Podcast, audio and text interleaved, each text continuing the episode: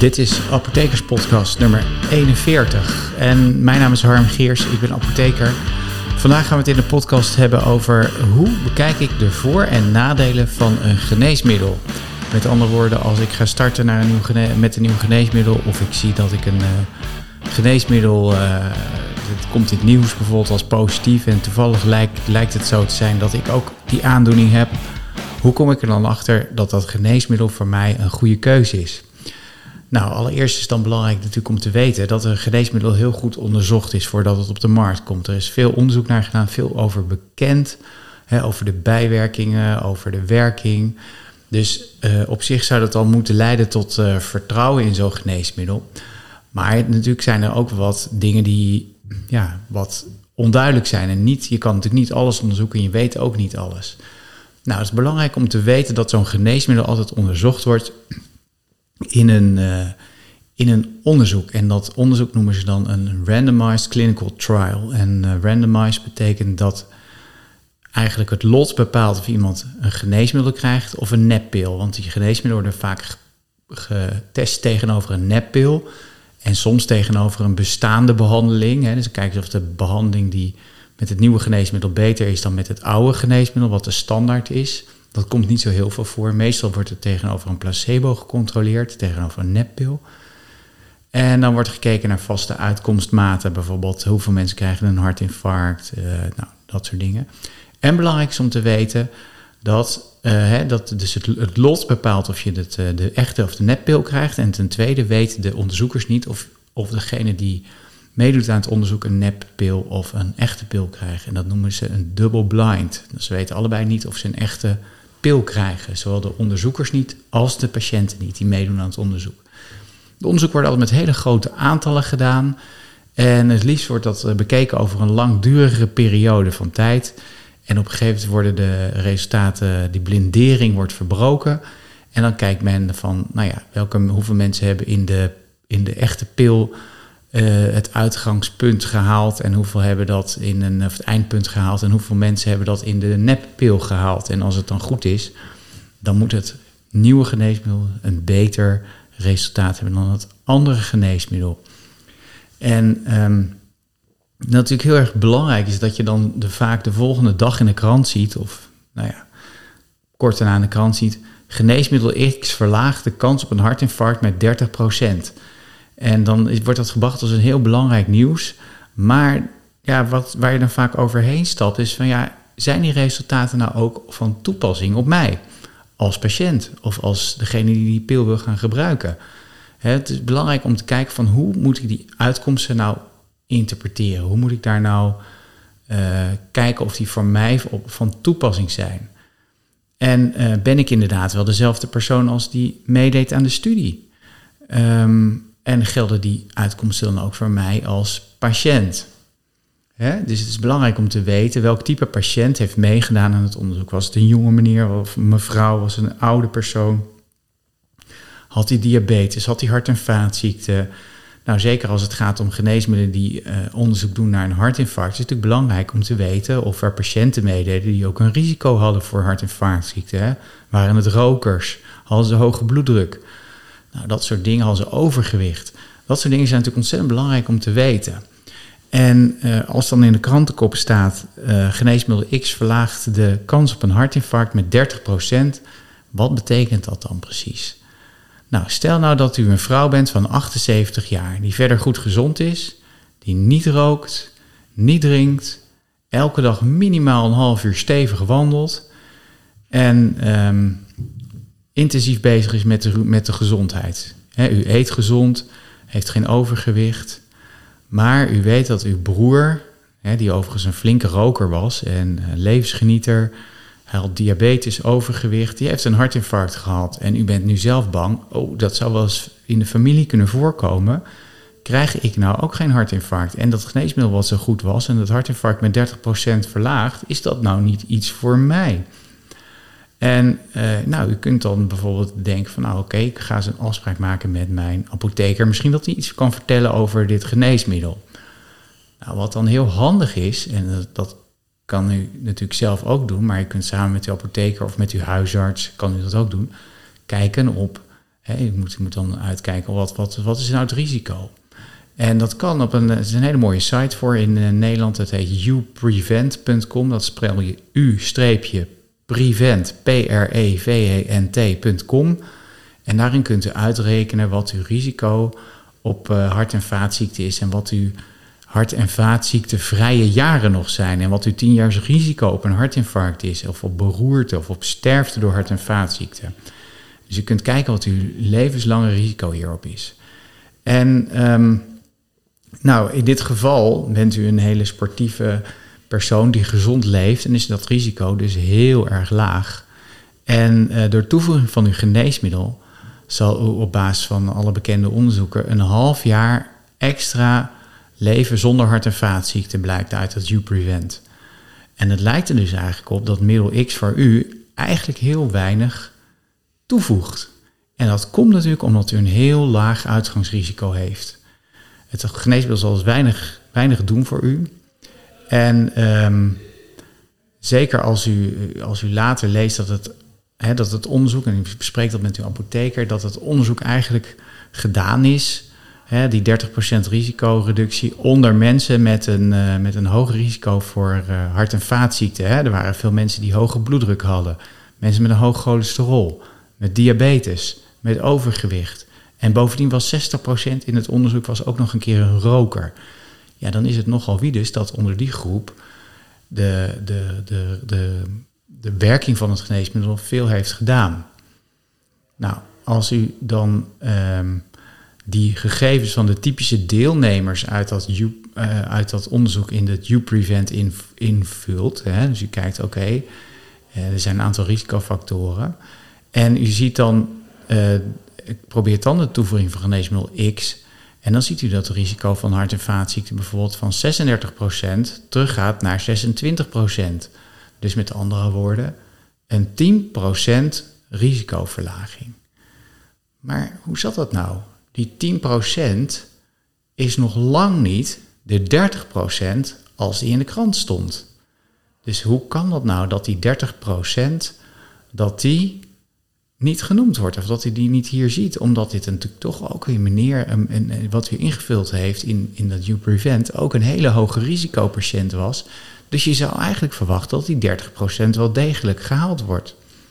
Nou, en hoe komt dat nou? Nou, dat is heel erg belangrijk om te weten. Vaak worden die resultaten van studies worden niet, uh, wordt niet de absolute risicoreductie weergegeven, he, dus van 36 naar 26 procent, maar de relatieve risicoreductie wordt gerapporteerd. En de relatieve risicoreductie is natuurlijk veel groter dan de absolute risicoreductie. Als je de relatieve risicoreductie uitrekent, dan zou je zeggen, nou, er, is, uh, er gaat 36 min 26, dus dat is 10 gedeeld door 36 maal 100%, dan kom je ongeveer op 28% risicoreductie, relatief gezien. Dus dat zit al heel erg in de buurt van die 30%, maar dat getal lijkt veel indrukwekkender. En dat wordt daarom ook gebruikt in de rapportages. Um, als je gaat kijken een ander voorbeeld, waarbij we een risico, risicoreductie van 50% kunnen reali realiseren. Dat klinkt heel indrukwekkend. Iedereen denkt, oké, okay, 50% risicoreductie, geef mij die pil maar. Maar dat is soms heel erg heel erg uh, raar als je dan gaat denken bijvoorbeeld dat het absolute risico bijvoorbeeld van 2 op de 100.000 naar 1 op de 100.000 gaat.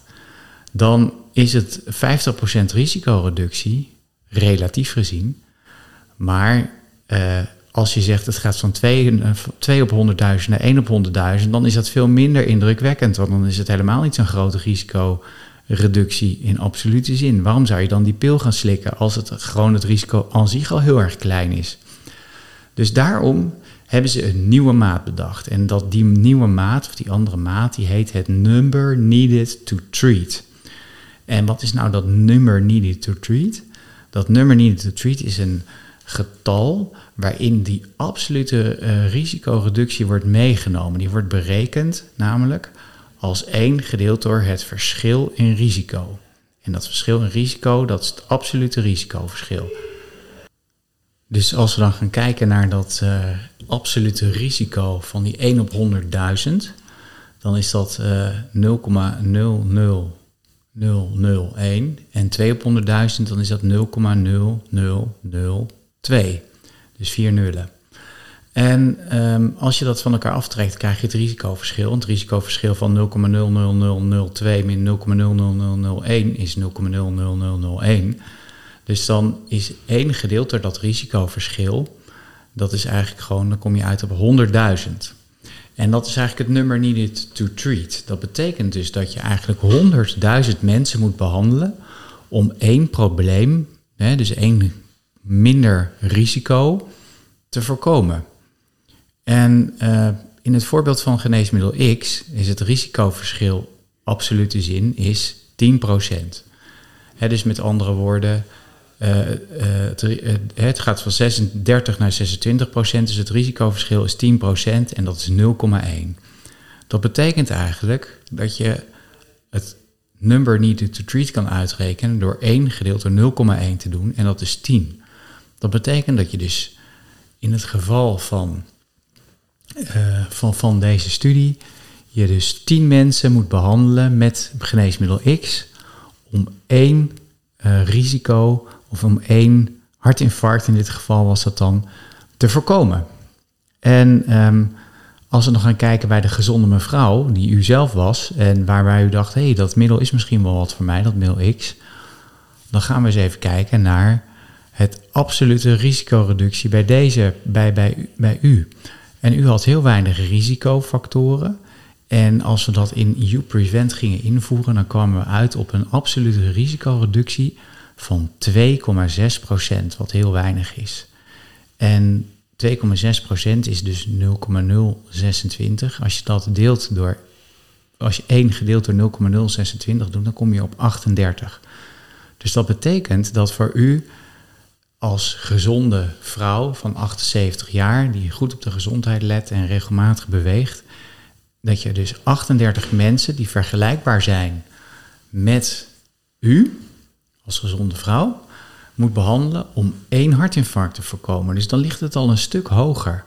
Dus dat betekent dat het uitgangsrisico dus ontzettend belangrijk is om uh, te kijken uh, of het geneesmiddel effectief is. En bij zo'n number needed to treat moet je ook gaan uitgaan en meerekenen de behandelduur die, dus eigenlijk de duur die zo'n onderzoek heeft geduurd. Dus als er staat uh, geneesmiddel X geeft een, een, reductie in hartinfarct van 30%, dan moet er ook bij staan gedurende bijvoorbeeld vijf jaar. Dat onderzoek heeft vijf jaar geduurd. Dat betekent dus dat als je een number needed to treat van 38 hebt, wat we uitrekenen, dat je 38 personen vijf jaar moet behandelen om één hartinfarct te voorkomen. En dat plaatst eigenlijk zo'n onderzoek al in een heel ander perspectief dan dat je het uit de krantenkop haalt. En um, ja, dus, dus, dat maakt het best lastig. Uh, ik ga nog een rekenvoorbeeldje geven. Hè. Stel, we gaan uit van een number needed to treat van 38. Want we pakken nu alleen de positieve effecten mee, maar we moeten eigenlijk ook de negatieve effecten meenemen. Dus we hebben een nummer in de retreat van 38. Uit het onderzoek blijkt ook dat 1 op de 8 mensen die meedeed last kreeg bij geneesmiddel X van spierpijn of spierkramp. En bij 1 op de 100.000 bleek dat die spierpijn en spierkramp zo erg is dat er uiteindelijk die spieren ja, die eigenlijk, die raakten zo beschadigd eigenlijk, dat ze, dat eigenlijk gewoon afgebroken werden. Noemen ze rhabdomyolyse, is verder niet zo belangrijk. Uh, en in de placebo-groep kwam deze bijwerking niet voor. Nou, hieruit kan je dus eigenlijk een, ander, uh, een andere maat berekenen. En dat is het number, niet het number needed to treat, maar het tegenovergestelde, het number needed to harm. En voor spierpijn is dat 1 op de 8, dus uh, dat is 0,125. Dus het is het risico, hè, 1 gedeeld door 8 is 0,125. Dus betekent eigenlijk dat het number needed to harm 1 gedeeld door 0,125, nou kom je weer op 8 uit. Het uh, number needed to harm 8 is voor die spierkramp en die spierpijn. En voor die spierdestructie, hè, die ernstige bijwerking, was dat 1 op de 100.000. Dus daar was het number needed to harm 100.000. Nou, en dan kan je eigenlijk gaan uit die numbers needed to harm en die numbers needed to treat kan je dus eigenlijk gaan uitrekenen uh, wat nou de voordelen zijn. Stel je voor, je hebt een nummer, de nummer needed to treat is 38. Stel je voor, je gaat, er, gaat dan duizend mensen behandelen met geneesmiddel X die allemaal hetzelfde eruit zien als die mevrouw van 78 die gezond was en veel beweegt en gezond eet, niet rookt en drinkt. Dan heb je van die duizend patiënten, hebben er 26 een voordeel. Hè? Want 1 op de 38 is, uh, heeft, een, uh, heeft een voordeel. Hè, als je 1000 gedeeld door 38 doet, dan, dan krijg je 26 keer ongeveer. Dus 26 mensen hebben dat voordeel. Uh, 1 op de 8 mensen kreeg spierpijn. Dus dan krijg je dus ongeveer 125 mensen van die 1000 krijgen er spierpijn. En uh, nou, die ernstige bijwerking die komt dan voor 1 op de 100.000. Dus die, je hebt 0,01 in theorie, dus eigenlijk 0 mensen die die spierdestructie krijgen. Dus dat betekent eigenlijk dat van die 1000 mensen, als je gaat kijken, 26 voordeel, voordeel hebben, 125 spierpijn hebben. En dan blijven er dus nog 849 over die geen voordeel en geen nadeel hebben. Dus die eigenlijk dat middel, nou ja, min of meer onnodig krijgen. En die 849, dat noemt men eigenlijk het number unnecessarily treated. Dat zijn eigenlijk mensen die geen voordeel en geen nadeel hebben bij, de, bij het geneesmiddel. Dus die eigenlijk onnodig dat geneesmiddel slikken. Hè? En als we dan gaan kijken naar een number needed to treat van 10, dus dat zijn eigenlijk de mensen die hoog risico hadden en die netjes in die, in die studie hadden meegedaan, dan zie je dus dat van elke 10 er één voordeel heeft. Dus één hartinfarct voorkomen wordt. Dus op 1000 zijn dat er 100. Uh, dus dat betekent 100 mensen voordeel. Die spierpijn en de spierdestructie blijft hetzelfde, dus het waren de 125 en 0. Als je dat bij elkaar optelt, die 100 en die 125, kom je op 225. Dus dat betekent dat er 775 mensen, maar dat is al een stuk minder dan in het vorige voorbeeld, geen voordeel en geen nadeel hadden. En um, dat betekent dus dat, uh, dat hoe hoger het risico, um, het uitgangsrisico is, hoe groter de kans is dat de behandeling ook echt aanslaat. En uh, als je deze benadering gaat gebruiken, dan uh, kan je heel mooi een afweging maken tussen de voor- en de nadelen van de toevoeging van een geneesmiddel. En die numbers needed to treat, die zijn heel goed beschikbaar. Er is zelfs een site voor, die heet de NNT, dus THE in het Engels de. NNT, the number needed to treat.com. En daarin vind je eigenlijk alle um, numbers needed to treat die gebruikt worden in grote uh, studies. Dat wordt ook telkens geüpdate. En dan zie je ook de numbers needed to harm. Dus dan kan je ook kijken van oké, wat voor schade brengt dit geneesmiddel nou met zich mee? Want ja, een geneesmiddel heeft een aantal voordelen. Vaak zijn die voordelen belangrijker dan de nadelen. Maar ja, er zijn natuurlijk ook nadelen. Um, dat maakt het veel makkelijker om een inschatting te maken. En um, daarmee kan, kan, u, kan u ook kijken van, nou, is dit middel nou wat voor mij? Um, het number unnecessarily treated staat niet in die site, maar dat kan je natuurlijk prima berekenen. Um, verder is het heel erg belangrijk om na te gaan hè, voor welke persoon dit geneesmiddel gebruikt wordt. Je kan natuurlijk een heel groot voordeel hebben, bijvoorbeeld als je gaat kijken naar het gebruik van een cholesterolverlager bij iemand met uh, hart- en vaatziekten. En dan zie je dat er een number needed to treat van ongeveer 50 is. Maar dan is er, en, en dat dat voordeliger is dan uh, de, de number needed to harm. Alleen hè, als iemand bijvoorbeeld bij cholesterolverlaging kan je spierpijn krijgen. Dat kunnen jullie ook uh, luisteren in statines en spierpijn. dat is de tweede apothekerspodcast volgens mij. Maar als je dus een, een, een andere patiëntengroep doet, hè, vaak zijn die niet meegenomen in onderzoeken. Hè. Dus, bijvoorbeeld hele oude mensen, die worden eigenlijk altijd niet meegenomen in die grote onderzoeken. Dus als we nou gaan kijken naar een mevrouw van 86 jaar oud, met een hoog cholesterol, een torenhoog cholesterol, die pijn op de borst heeft en alleen nog met een rollator kan lopen, dan is het maar de vraag. En dan zal zo'n statine of, of, of een cholesterolverlager wel een voordeel kunnen opbieden. Hè? In, in het feit dat die mevrouw nog eh, een aantal jaren zonder hart- en vaatziekten kan verder gaan. Of zonder uh, ernstige hart- en vaatziekten door de cholesterolverlaging. Maar het kan ook zijn dat ze dus zoveel last krijgt van spierpijn dat ze eigenlijk helemaal niet kan lopen. Dus dat het helemaal niet zo goed is om die cholesterolverlager te starten. Dat zijn natuurlijk altijd dingen die je in gedachten moet meenemen. En die je natuurlijk nooit helemaal in wetmatigheden kan, uh, kan, kan uitdrukken. Dus dat is ontzettend belangrijk. Dat het altijd, hè, de inschatting of een geneesmiddel voordelen en nadelen heeft, is natuurlijk altijd maatwerk. Maar dat, uh, dat um, number needed to treat en het number needed to harm is een heel mooie manier om na te gaan of dit uh, goed is. En um, mocht u hier meer interesse in hebben, dan uh, staat er in de show notes staat de verwijzing naar de nummer treat.com en ook nog naar een uh, artikel hierover. En daarmee zijn we ook aan het einde gekomen van deze apothekerspodcast nummer 41. Dank jullie voor jullie aandacht en als jullie het leuk vinden, dan graag hoor ik en zie ik een positieve review terug op Apple Podcasts of je eigen podcastplatform. Dank voor jullie aandacht en tot de volgende keer.